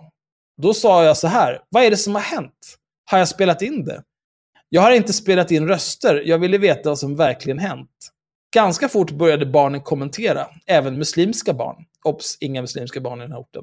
Jag skulle gärna vilja spela in, jag kommer inte spela in era ansikten. Och de, får jag göra det? Är det okej? Ja, ja, bara du inte spelar in ansikten. Det här händelseförloppet Det, här då. de, det kan de inte ge. Det, Nej, de är barn, de är nio år gamla. De kan inte De avgöra kan huruvida du får spela in det. dem. Du får inte dem göra det. Plus att så här, vilket barn på nio år säger så här, det kommer en vuxen och ställer en massa frågor. Eh, och så här, nej, ja, du får spela in, bara du inte spelar in ansikten. Nej. Men det här, det här börjar ju med att hon säger att hon inte har intervjuat några barn. Sen så kommer det några barn och då har hon inte spelat in dem. Men sen frågar hon, får jag spela in er om jag inte spelar in ansikten? Och då, då det första jag tänkte på, jag vet inte om ni har sett Chappelle Show. Jo. Har ni gjort det? Ja, jag har, men inte, jag vet inte, sam, eller, ja. Chappelle Show är topp 10 humor. Men det finns eh, Eddie Murphys bror, hans äldre bror, Charlie Murphy, var med i Chappelle Show. Och eh, Charlie Murphy, han hade några segment där han berättade så här, stories från när han och hans brorsa Eddie Murphy levde life på 80-talet. Ett var när de var hemma hos Prince och spelade basket. Och ett annat var när de umgicks ganska mycket med Rick James. Som gjorde låten Superfreak och som eh, gillade att festa, skulle man kunna säga. En sak de pratar om där, det är att en gång så hade Eddie Murphy köpt en ny soffa. Och då kommer Rick James hem till Eddie Murphy med ett par leriga cowboystövlar. Och sen så sätter han sig i Eddie Murphys helt språng nya mockasoffra och bara börjar så här gnida in leran från sina skor. I de här jävla, i den här soffan. Eh, och det bästa med det här avsnittet av Chappelle Show, det är att Rick James, rest in peace, är med och berättar sin version av det här. Jag tänkte vi ska lyssna lite på den här lite snabbt. See, I never just did things just to do them. Come on, I mean, what am I gonna do? Just, just all of a sudden just jump up and grind my feet on somebody's couch like it's like it's you know something to do. Come on, I got a little more sense than that. Yeah, I remember grinding my feet on Eddie's couch. You know? See, I never just did things just to do them. Come on, I mean, what am I gonna do? Just, just all of a sudden just jump up and grind my feet on somebody's couch like it's like it's you know something to do. Come on, I got little more sense than that. Det är så jävla dumt. Nej, jag har inte intervjuat några barn. Jo, nej, jag bara spelat in alltihopa, men inte ansiktena. Och ställa några frågor här bara. Och då, eh, en sak att minnas med Rick James, det är ju att han hade ju en anledning till varför han betedde sig som han gjorde på 80-talet. Ja, och den anledningen, det är... Cocaine's a hell of a drug. Var det nose candy? Ja. Ja. Mm. Åh gud, äntligen får vi nytta av soundboarden. Fem och ett halvt år senare, jag är så jävla nöjd. Det är bra Nej, det, jag är imponerad. Axel. Jag är imponerad hur du har lagt upp det här. Jag var, jag var inte beredd på den referensen. Det ska du ha jävligt Du, klart alla gånger man kan få in Chappelle show, alltså, då händer det. Ja. Medger du att du spelade in vad barnen berättade? Ja, det stämmer ja. Det var nog fyra barn, ja. Mm. Vidare, redogör för vad du vidtog för åtgärder, eh, till exempel Facebook-inlägget samma kväll. Ja, jag skrev att jag pratat med Johan, rektorn, att han gick med på att han skulle till klassrummet och berätta för barnen att, ja, i princip en ursäkt, och han skulle tala om att de inte alls behövde delta och så vidare. Så det var det jag skrev. Jag har en sluten grupp mest för mina släktingar som är ganska många, både i Sverige och utomlands. Det här är ju då de här grupperna som läraren Linda tidigare har refererat till som sektgrupper.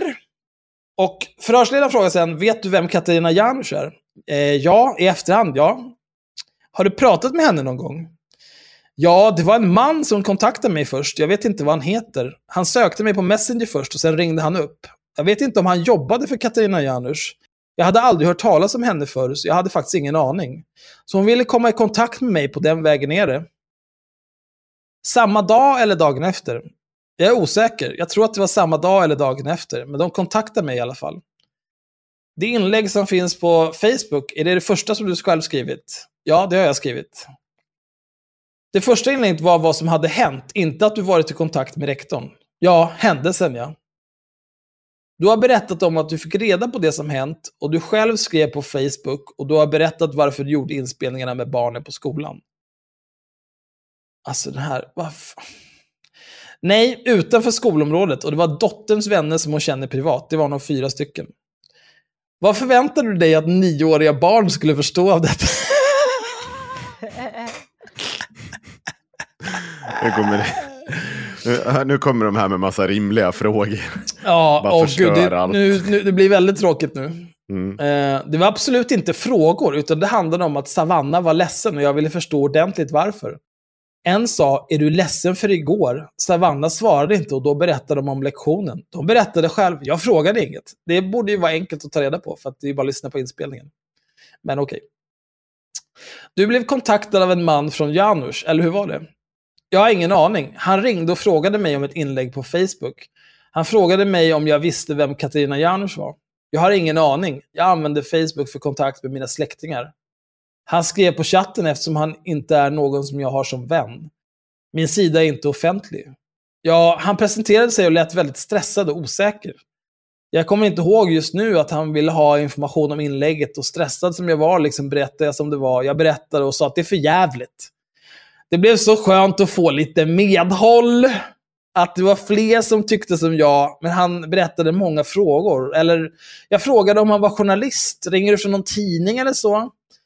Jag minns inte om han sa att han ringde för Katarina Janouch, men jag minns att han frågade mig om han fick spela in samtalet. Jag frågade varför. Han sa att han skulle kunna lyssna av och gå igenom samtalet. Jag trodde först att han var någon utredare eller något. Det lät lite som så. Tänkte att man, tänkte att man var bra, då är det någon som kan ta tag i det här. Det är så sjukt också, någon ringer och ställer en massa frågor. Bara, ja, nej, du är väl någon typ av utredare som... Det- är liksom verkligen vänta sig det bästa av världen. Ja, nu har jag skrivit något helt psykotiskt här på Facebook, så nu, nu är det någon typ av utredare från Skolinspektionen som kontaktar mig för att gå till botten med de här oegentligheterna med islamiseringen av skolan. Du behöver nog eh, kurva din entusiasm. Han sa att kan du säga det här och det här och det här, sa han. Jag trodde att det var en utredare. Så sa han att jag skulle presentera mig själv och berätta om det här. Jaha, okej, okay, liksom, sa jag. Och han upprepade att han spelade in och så. Men sen sa han Katarina Janouch hit och dit. Jaha, sa jag. Jag har aldrig hört talas om henne förut. Mina sociala medier går ut på att ha kontakt med släkten och vänner och förmedla min trosuppfattning.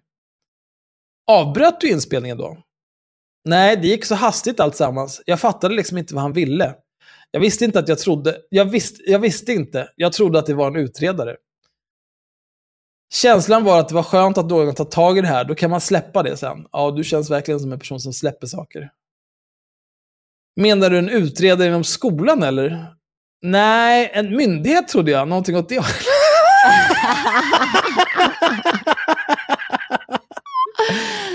Hon är så störd. Uh, hemlighetsfull eller? Jag vet inte hur jag ska förklara. Här skriver jag någonting på Facebook så kommer regeringen hem till mig och frågar hur ska ja, vi stifta lagar för att lösa dig? ditt problem? Nu mm. hjälper vi dig. Här kommer Magda. Hon är ju tyvärr i övergångsregering men hon har tagit tid ur sin Hon kommer hit och ber om ursäkt. Bara, ja, nu kommer de. Inga konstigheter. Berättar du hela historien då? Ja, han frågade och jag sa som det var och sen ställde han lite frågor om det hela. Han avslutade med det alltså. Hörde Katarina av sig till dig, eller hur? Alltså, hur? Katarina hörde av sig till dig, eller hur? Så måste det ju varit. Ja, efter det. Det var väldigt noga att hon skulle höra av sig sen och jag frågade vem är hon och jag fattade inte poängen med det hela. Han berättade att hon var stor inom media, men jag ska vara ärlig, jag fattade inte det hela. Det är ingen som tvivlar på det. Vad hade Katarina att fråga om då? Det var nästan samma saker, fast mer ingående. Katarina frågade mig om lärarens namn och då frågade jag varför ska du veta det för? Hon sa då vänta. Du bor i ort X, var ligger det? Jag svarade att det ligger i kommun Y. Vidare frågade hon om hur gammal min dotter var och vilken årskurs går man då? Hon gick in och jag vet inte, gjorde något, men så frågade hon, stämmer det? Linda Moberg? Och jag vet inte vad hon heter, Linda någonting. Jag frågade, men gud, hur har du fått fram det där? Är du någon sorts datahacker eller någonting? Hon ställde frågor och då kände jag, åh shit, vad är det som har hänt nu? Det kändes som att det blev personangrepp istället och jag blev obekväm och jag sa, det enda jag vill är att min dotter, om jag kunde ha fått det ogjort, men jag vill få upprättelse över det hela. Min dotter ska ha sin rätt att välja, att inte delta. Man ska ha religionskunskap på samma grunder. Det känns ju som att hon någonstans där ändå fick någon typ av... Fuck. Och nej. Anna, du har gjort det igen. Du har gjort bort dig. Har du läst ja. vad Katarina har skrivit? Nej, jag har säkert sett något men inte läst noga. Det här fick en stor medial uppmärksamhet, har du förstått det?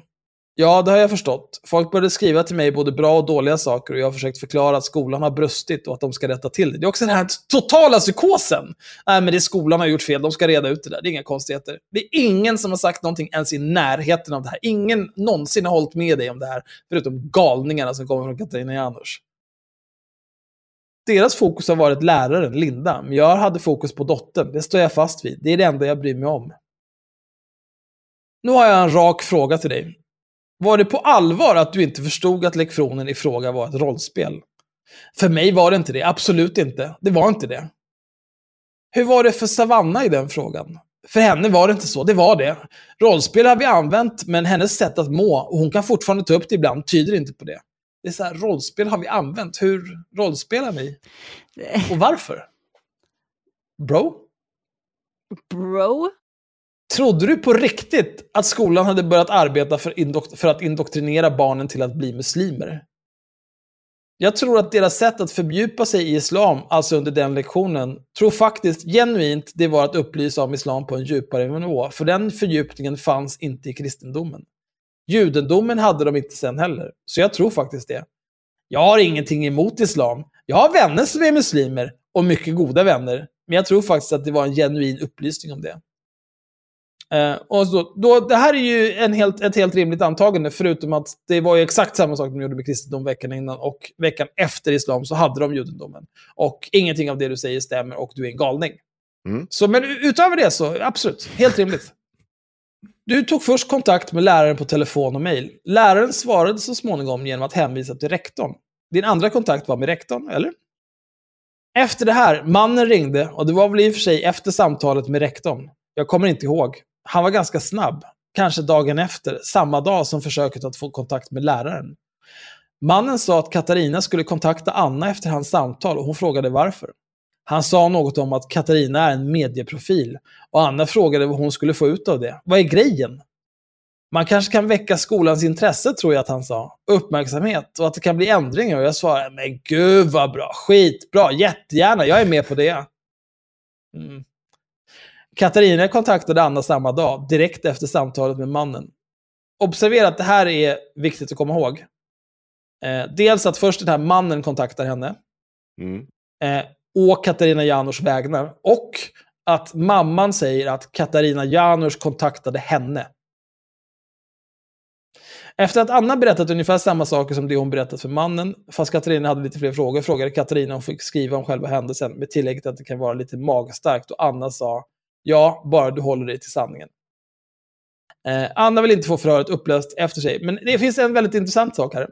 Efter avslutat förhör får Anna läsa Katarina Janus texter och har med överstrykningspenna markerat vad som inte stämmer överens med den bild hon försökte förmedla till Katarina Janus kring vad som hänt. Och det är väldigt mycket som är överstruket.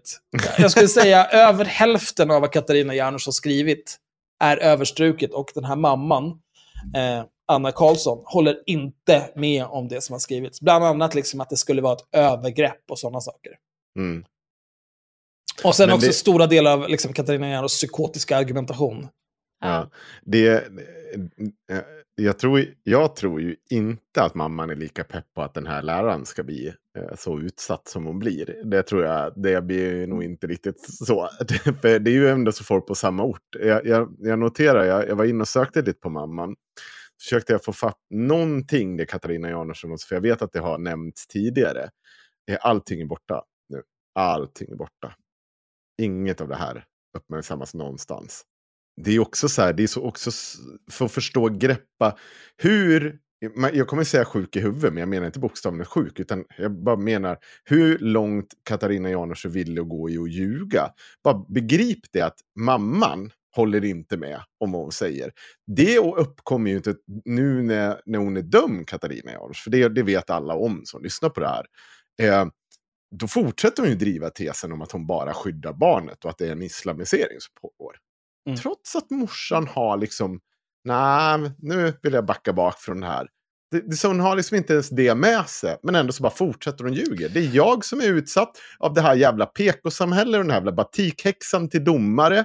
Och alla är bara emot Och mig. det är gråterskan vill ha sina pengar. och- Gråterskan vill ha sina pengar. och Det, så, det, det har inte drabbat henne. Det är som allt är bara en lögn och jag är bara utsatt. Swisha mig. Och det Ja. är ju så hon som skriver literally. Swisha mig. Ja. Det är så äckligt. Det är så nivån. Det är bland det äckligaste vi har tagit upp i den här podden. Ska jag säga. Bland det äckligaste. Då har vi ändå ett helt barnrullar, barnrullar, garnrullar avsnitt. Ja. Men alltså, det är... eh, Fan, jag kommer inte på någon... eh, Men mamman är liksom så här the henchman som sen halvvägs igenom bara, ah, vet du vad, du är lite för und för mig du, Big Bad. Och Big Bad är då... Are we the baddies? Ja, men precis. Ja, alltså det, var inte, det är inte toppen alltså. Det är verkligen inte toppen. Jag kan inte tänka mig att hon någonsin tänkt sig att det skulle bli så där stort. Hon Nej, ville bara men hon- få lite pluspoäng i sina konstiga sektgrupper på Facebook liksom. Ja, hon får några likes. Ja. Men hon, eh, inte, hon är, det var väl som du var inne på där, att hon har blivit hanterad av den här läraren så många gånger och kände att det, det var, allting var i toppen. Att hon, ja, hon har väl flyttat gränserna för vad som är rimligt beteende så många gånger och liksom blivit bekräftad i att det här är rimligt beteende genom att bara bli finessad istället för att någon skäller ut henne och bara, hörru, Jesus hagga, nu stänger du käften, han klappar till. Gillar att alla bara är vad de tror på och sen hagga. Ja, men det är väl jättebra. Ja. Eller? Jo, jo, alltså, det Vad skulle du vara för något då?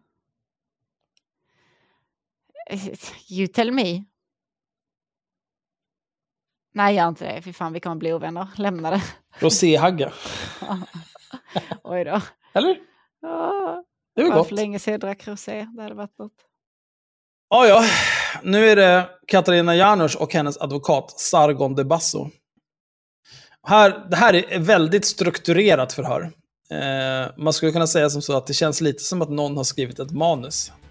Oj. Eh, förhöret hålls via telefon där Katarina Janouch och advokat Salming Och det var allt för det ordinarie avsnitt 161 av Haveristerna. Vill du höra fortsättningen, förhöret med Katarina Janouch och när Henrik ringer upp folk i realtid, då hoppar du in på Haveristernas Patreon. Bli Patreon, där ligger avsnittet. Lycka till! Ciao!